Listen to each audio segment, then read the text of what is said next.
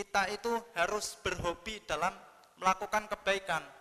Dan perlu diingat pula bahwasanya ketika kita mengorbankan sesuatu kepada orang lain, harta yang kita berikan, tenaga yang kita berikan, pikiran yang kita berikan, waktu yang kita berikan itu tidaklah ke mana-mana, melainkan Allah akan mengembalikan kepada kita semua dalam bentuk yang tidak disangka-sangka, dalam bentuk yang tidak dapat kita duga.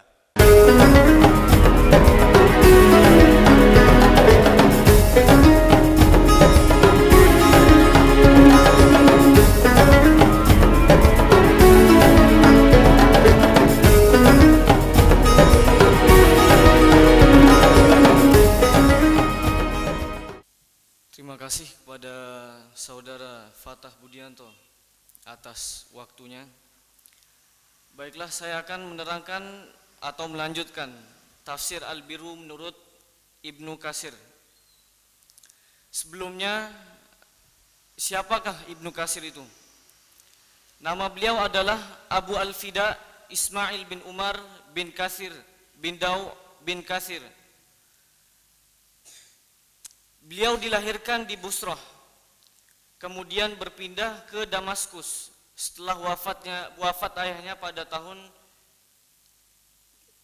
setelah wafat ayahnya pada tahun 706 Hijriah. Beliau meninggalkan banyak karangan atau banyak kitab dan salah satu atau di antara kitabnya yang paling masyur adalah Bidayah wa Nihayah fit Tarikh. Dan yang kedua adalah kitab Tafsirul Quran Al-Azim. Beliau menafsirkan di dalam surat Al-Imran ayat 92 Lan tanalul birra hatta tunfiku mimma tuhibbun wa ma tunfiku min syai'in fa innallaha bihi alim.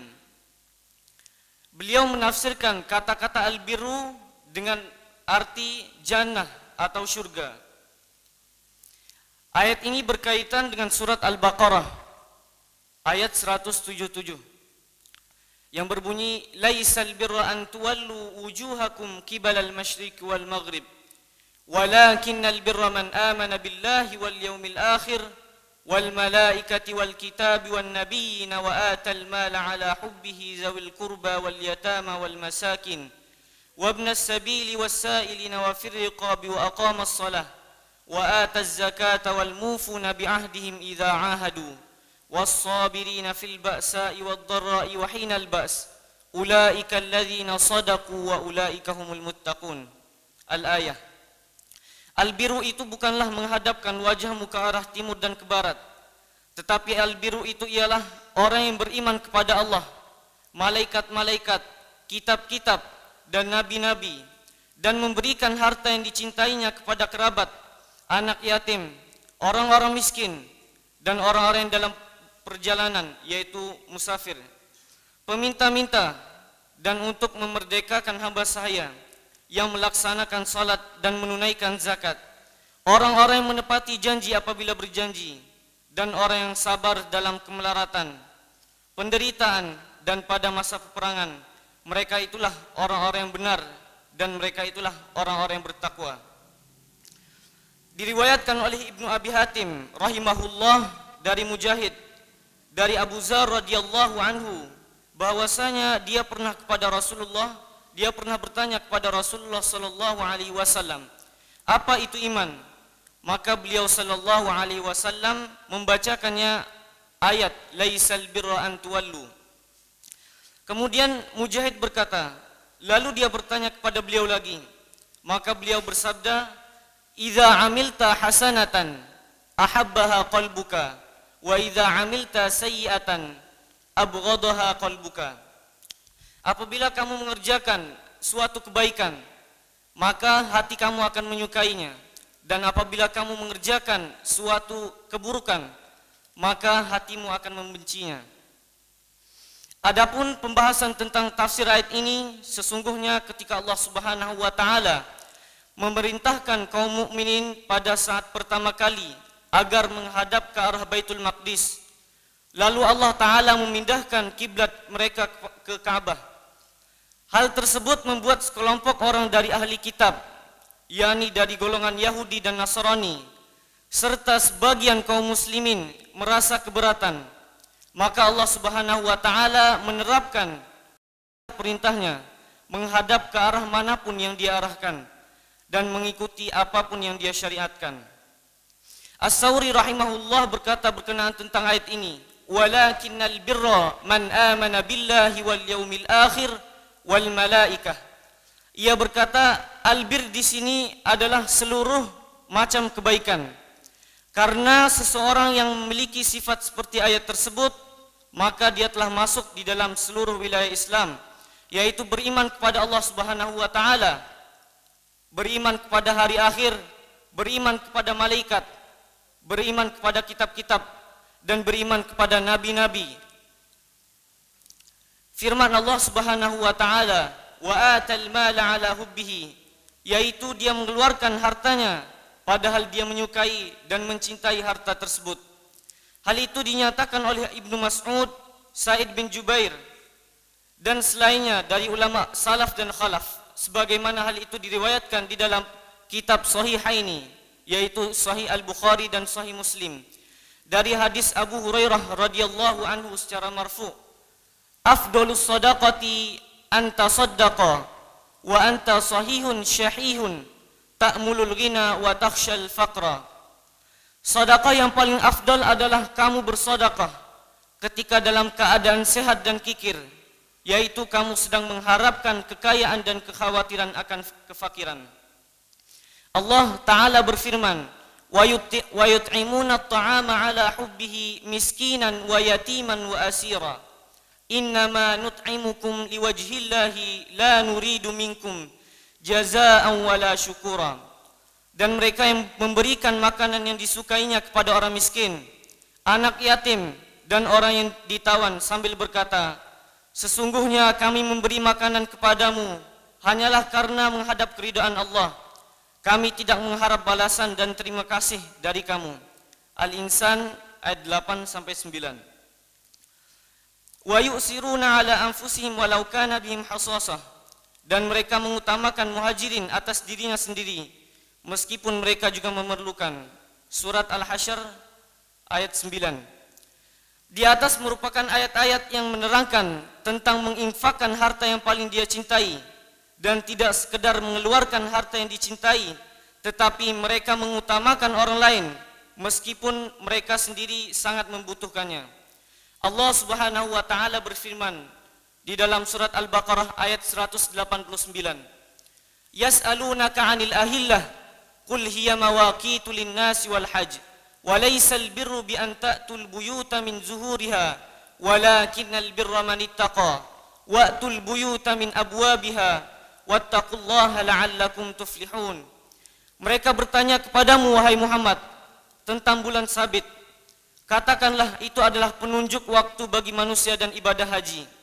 Dan bukanlah suatu albirru memasuki rumah dari atasnya tetapi albiru adalah kebajikan orang yang bertakwa. Masukilah rumah-rumah dari pintu-pintunya dan bertakwalah kepada Allah agar kamu beruntung.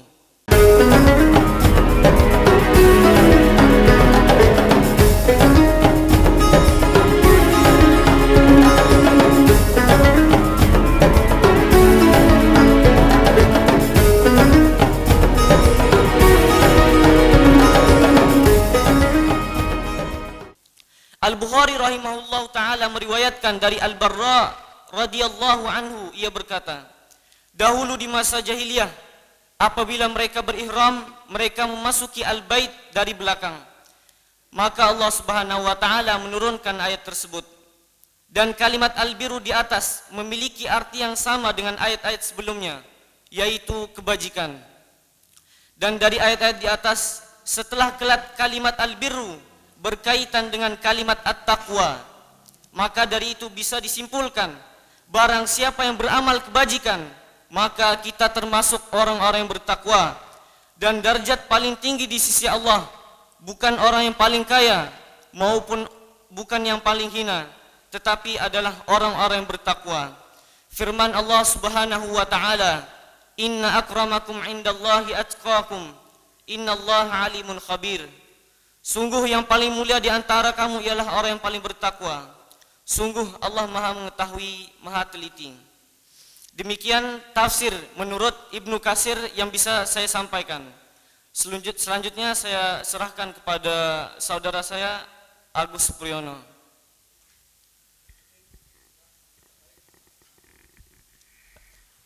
Bapak-bapak, ibu-ibu, jamaah sekalian, setelah kita mendengarkan tafsiran dari ayat lang tanalul birra hatta tungfiku mimma tuhibun baik dari tafsir Al-Wasid, tafsir Al-Qurtubi, tafsir Ibnu Kasir. Ayat ini secara tidak langsung Allah itu menantang kita. Berani nggak sih kita menginfakkan, kita mensedekahkan, kita mewakafkan, tapi harta yang kita cintai? Misal gini, di dompet kita ada satu uang lima ribu, satu uang seratus ribu. Secara manusiawi, kira-kira kalau dimasukkan ke kotak amal, ini berat yang lima ribu atau seratus ribu? Seratus ribu pasti. Nah, mana seperti itu? Jadi kita menginfakkan, tapi itu yang sesuatu yang kita cintai. Jadi seperti itu. Jadi bisa disimpulkan, seseorang itu tidak akan sampai pada kebajikan yang hakiki kecuali ia menginfakkan, ia mensedekahkan, ia mewakafkan harta yang ia cintai. Karena infak yang paling utama adalah menginfakkan harta yang paling ia cintai, paling ia sayangi. Maka dari itu di akhir penafsiran tadi eh, saya menghimbau marilah kita untuk berlomba-lomba, berlomba-lomba dalam kebaikan, dalam menginfakkan dalam sodako.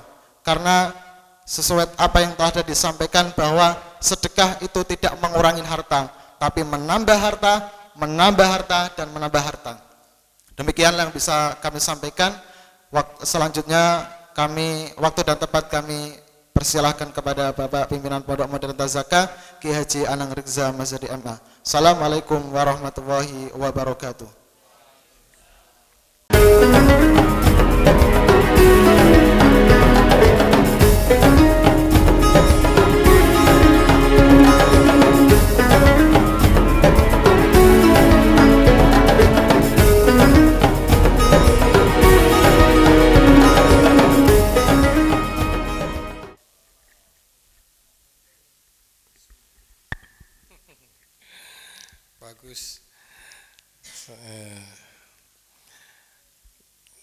Sudah kita dengar semua itu kupasan dan kutipan dari tafsir.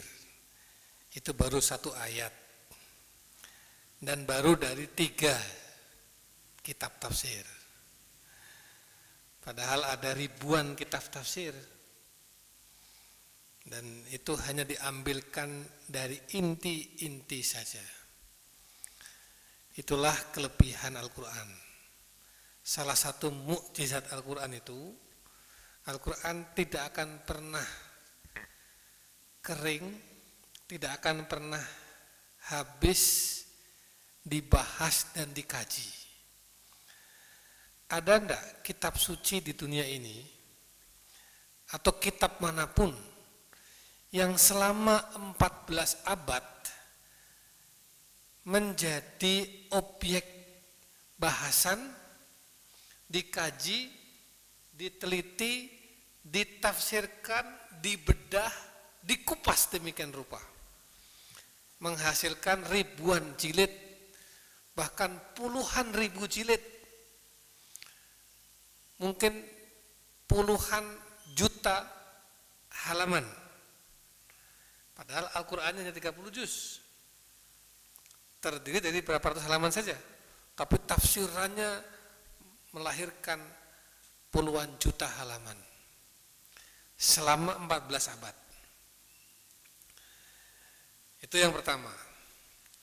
Yang kedua, saya ingin beri catatan tadi bahwa benar banyak hadis dan asar yang menyebutkan bahwa majelis ilmu itu lebih utama daripada sholat.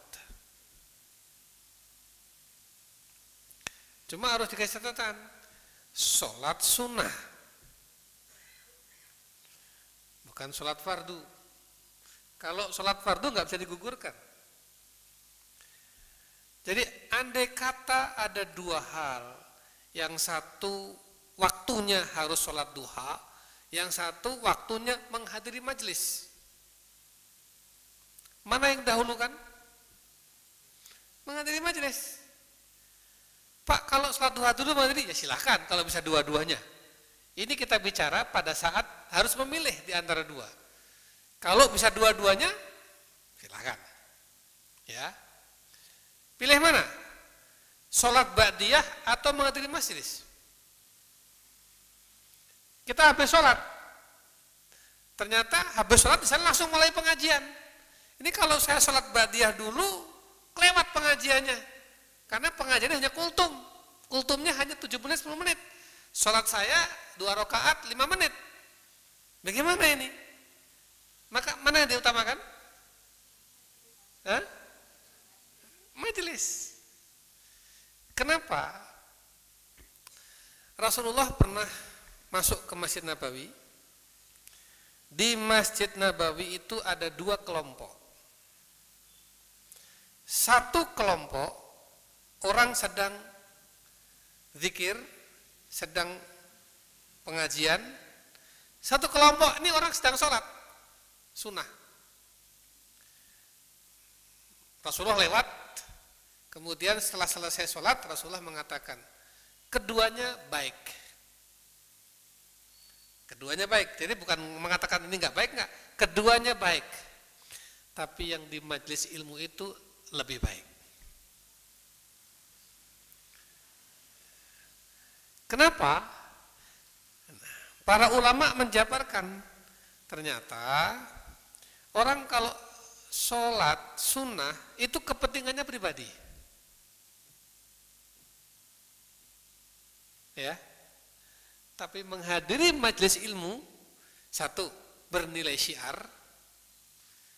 Uh ramai ya pengajiannya. Syiar enggak syiar kan untuk umat. Yang kedua kalau dia mendengarkan majelis ilmu mendapat ilmu ilmunya bisa dipakai untuk dirinya dan ditularkan ke orang lain pulang ke rumah ketemu dengan keluarganya dia kasih sampaikan tadi pengajian di masjid bagus banget. Intinya begini, begini, begini, begini. Ya. Itulah kenapa majelis ilmu di dalam banyak riwayat disebutkan lebih utama daripada sholat. Tapi di sini sholat sunnah. Bisa dipahami? Ya, tadi kita jelaskan.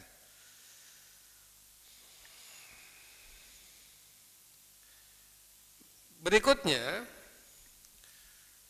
pada zaman Rasul, para sahabat, Rasul itu punya murid-murid. Dan memang murid murid Rasul yang terdiri dari para sahabat itu itu dispesialisasi oleh Rasul. Ibnu Abbas radhiyallahu anhu paman sekaligus sahabat Rasul itu memang adalah sahabat sekaligus murid Rasul yang oleh Rasul difokuskan, dispesialisasikan untuk ilmu-ilmu Al-Quran. Jadi orang kalau bertanya Al-Quran, bertanya tafsir, tanya ke Ibn Abbas. Abu Hurairah, sahabat Rasul juga, hidup pada masa Rasul, itu adalah sahabat dan sekaligus murid Rasul yang memang difokuskan, dispesialisasikan untuk masalah-masalah hadis.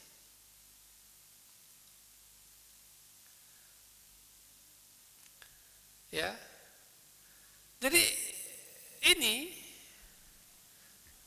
sahabat-sahabat Rasul, saya pernah menulis itu apa namanya pohon ilmu. Nanti kapan-kapan saya kupas lagi. Jadi berapa sih, berapa orang lingkaran pertama Rasul? Anak-anak ini bisa jadi lingkar kedua, lingkar ketiga saya. Karena anak-anak ini dibimbing oleh ustadz-ustadz yang ustadz-ustadznya dibimbing oleh saya. Berarti ini kan lingkar kedua ini. Ini rank kedua. Nah, zaman Rasul itu ada rank satu. Rank satu itu tidak lebih dari 20 atau 25 orang. Tapi 20, 25 orang itu betul-betul sentuhan langsung dari Rasul. Ya. Ilmunya langsung ditransfer oleh Rasul dan menjadi rujukan semua umat Islam pada zaman itu. Jadi kalau Rasul pas gak ada dan orang butuh jawaban atas pertanyaan-pertanyaan tertentu, datangnya ke siapa ini? Oh, sama dengan sekarang. Kalau sekarang kan profesor di bidang hukum, profesor di bidang tafsir, profesor di bidang e, misalnya apa, politik, profesor di bidang nah, sama. Jadi pada zaman Rasul itu sudah ada pembidangan yang itu semuanya dimaksudkan untuk supaya umat ketika bertanya, bertanyalah kepada ini sahabat-sahabat ini. Ada yang menarik tadi, hobi. Hobinya berbuat baik. Saya mencatat baik Imam Qurtubi, Syekh Wahbah Zuhaili, atau Imam Ibnu Kathir, itu hampir sama dalam menafsirkan al-bir lantana lebih rahmatufiku yaitu berbuat baik itu sebagai habit.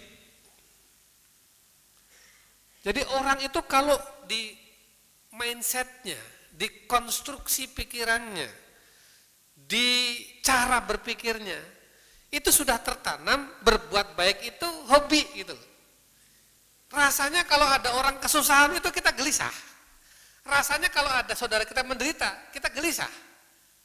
Rasanya kalau ada orang lagi bangun masjid, bangun pesantren, bangun panti, bangun jalan, bangun apa itu kita nggak bisa diam. Ada sesuatu yang aku harus berbuat, saya harus ikut, aku harus berperan itu. Eh hobi. Maka selalu saya katakan wakaf, zakat, atau infak sedekah itu harus menjadi lifestyle, gaya hidup. Orang sekarang itu gaya hidupnya kan kalau nggak materialistis, hedonistis. Jadi kalau punya uang satu miliar, apa-apa ingin dibeli. Iya kan?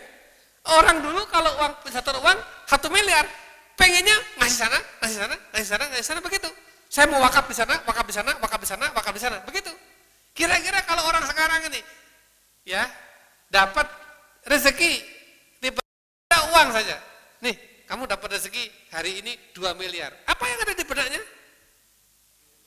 menghabiskan di mall, toko dan di tempat-tempat itu atau menghabiskannya di pesantren, di pantai, di masjid, di yayasan atau apa? Itu contoh. Berarti selama kita ini tunfiku mimma tuhibbun infak wakaf sedekah dan sejenisnya belum menjadi gaya hidup belum menjadi hobi belum menjadi habit kebiasaan berarti kita belum akan mendapatkan albir apakah albir? Tadi ada yang mengatakan albir surga. Jannah. Berarti kita kalau mau mendapatkan surga, maka gaya hidupnya harus kebaikan.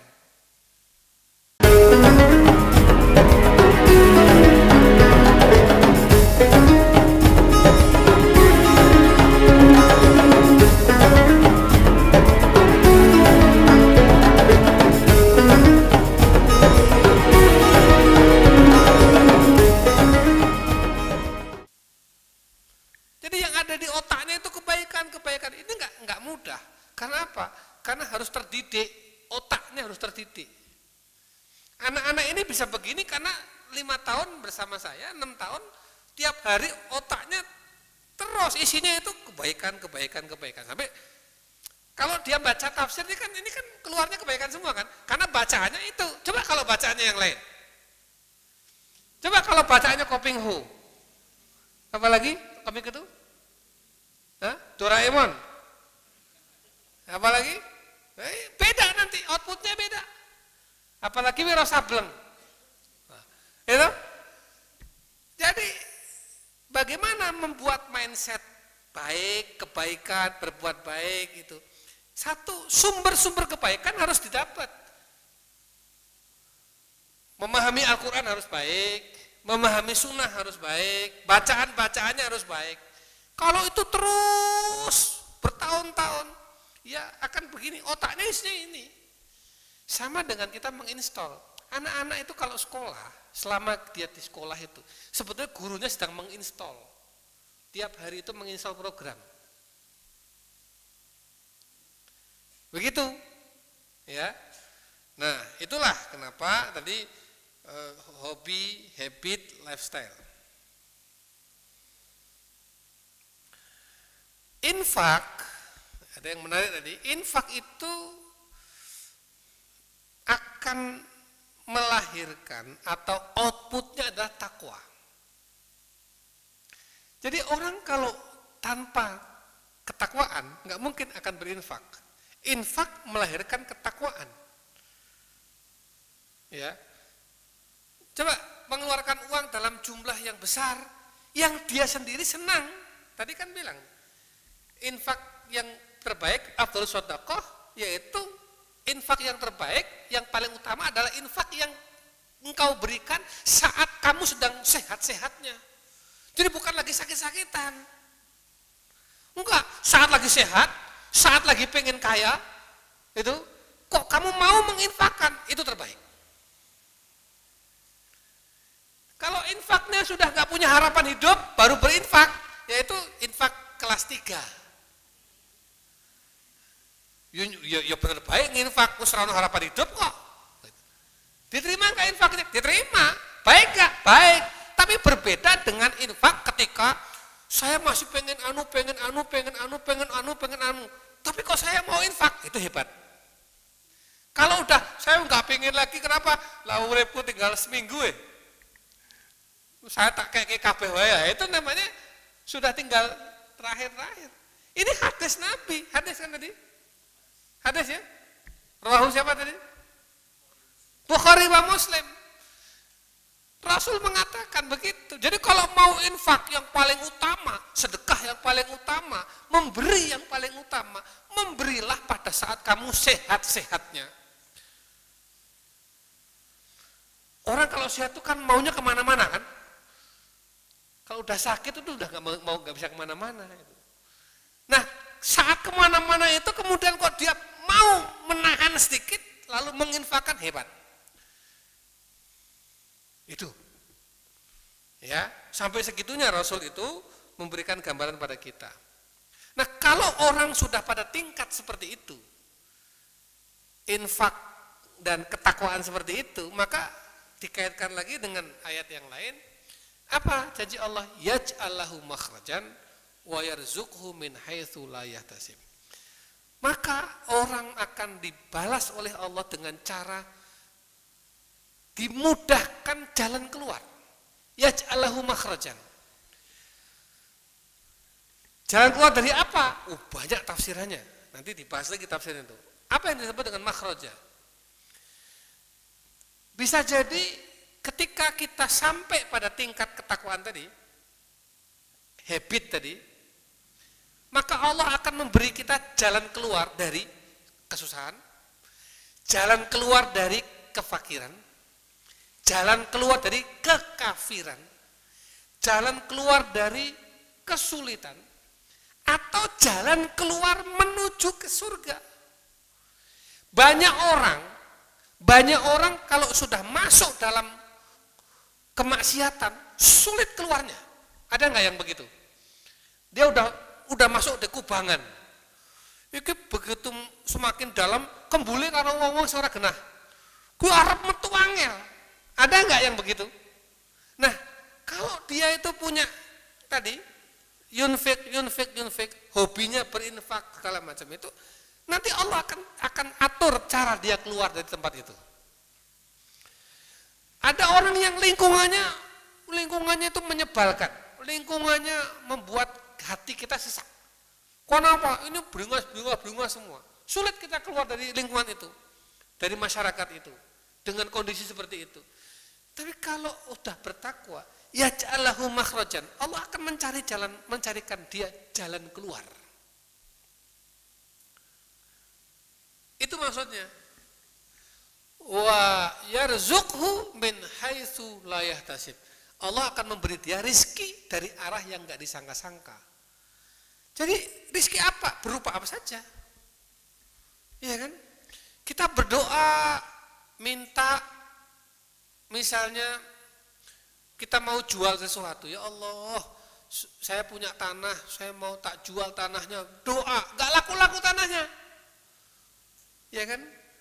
Tapi ternyata Allah memberi rizkinya bukan dari situ. Dari tempat lain yang kita nggak nggak duga-duga. Eh tiba-tiba anaknya sekolahnya beasiswa lolos. Begitu loh. Eh tiba-tiba penyakitnya sembuh. Kalau dia sedang sakit. Ya. Eh tiba-tiba anaknya mendapatkan pekerjaan yang halal toyib berkah. Jadi ketika sana mentok, Allah akan carikan sumber-sumber rezeki di tempat-tempat lain. Enggak mesti harus berwujud materi. Itu disebut dengan wa yarzuqhu min haitsu la yahtasib. Jadi dari arah yang enggak disangka-sangka. Ya, itu kemudian tadi albir itu apa? Ini intinya ini albir itu adalah sesuatu yang apabila kita mengerjakan kebaikan, hati kita mencintainya. Dan apabila kita mengerjakan satu keburukan, hati kita membencinya. Idza amilta hasanatan ahabbaha qalbuka. Kalau kita berbuat hal yang baik, nyaman hati. Tapi kalau kita berbuat yang nggak baik, hatinya nggak nyaman. Itu namanya berarti di dalam hati kita ada albir. Ya. Inilah makna albir di dalam lantana lul birro hatta tunfiku mimma tuhibun. Jadi itu baru satu ayat dan ayat itu juga baru dari tiga tafsir saja. Sebetulnya akan bahas banyak sekali tafsir-tafsir yang lain.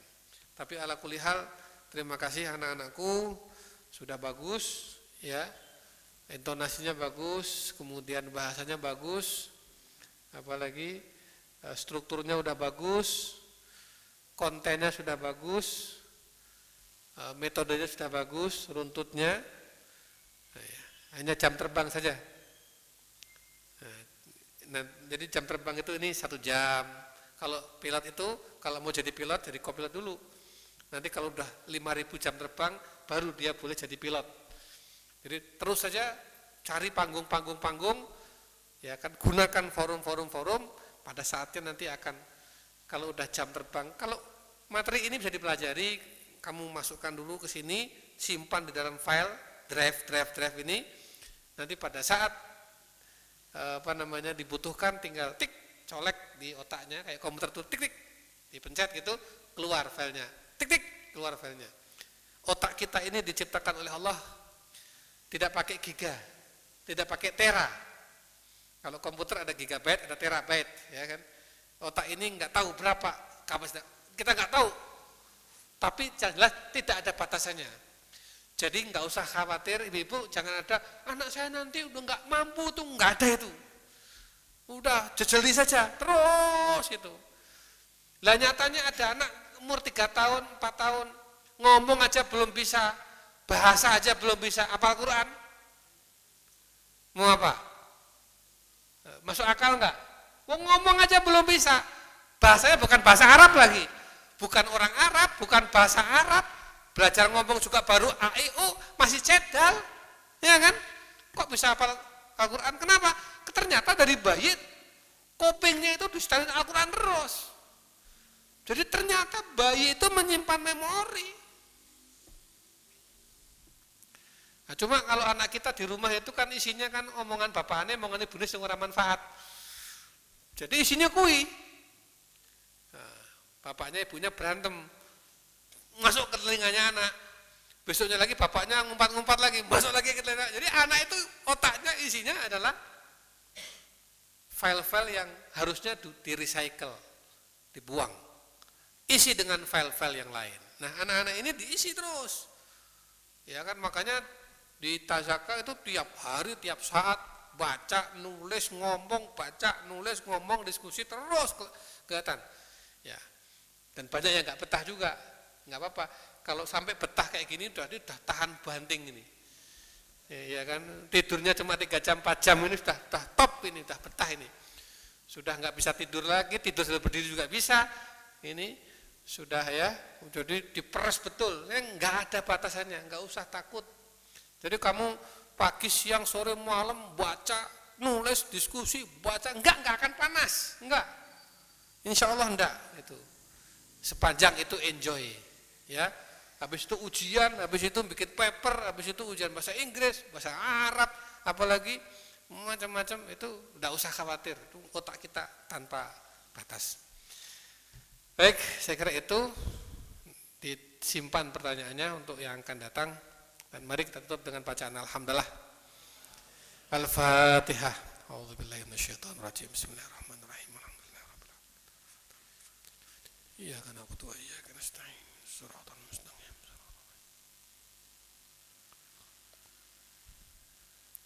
بسم الله الرحمن الرحيم اللهم صل على سيدنا محمد وسلم ورضي الله تبارك عن كل صحابة رسول الله أجمعين والحمد لله رب العالمين حمد الشاكرين حمد الناعمين حمدا يوافي نعمه ويكافئ مزيدا يا ربنا لك الحمد كما ينبغي لجلال وجهك الكريم وعظيم سلطانك ربنا ظلمنا أنفسنا وإن لم تغفر لنا وترحمنا لنكونن من الخاسرين اللهم اغفر لنا ولوالدينا وارحمهم كما ربونا صغارا وللمسلمين والمسلمات والمؤمنين والمؤمنات الأحياء منهم والأموات إنك سميع قريب مجيب الدعوات يا قاضي الحاجات اللهم إنا نسألك الجنة وما قرب إليها من قول أو عمل ونعوذ بك من النار وما قرب إليها من قول أو عمل اللهم إنا نسألك الخير كله عاجله وآجله ما علمنا منه وما لم نعلم.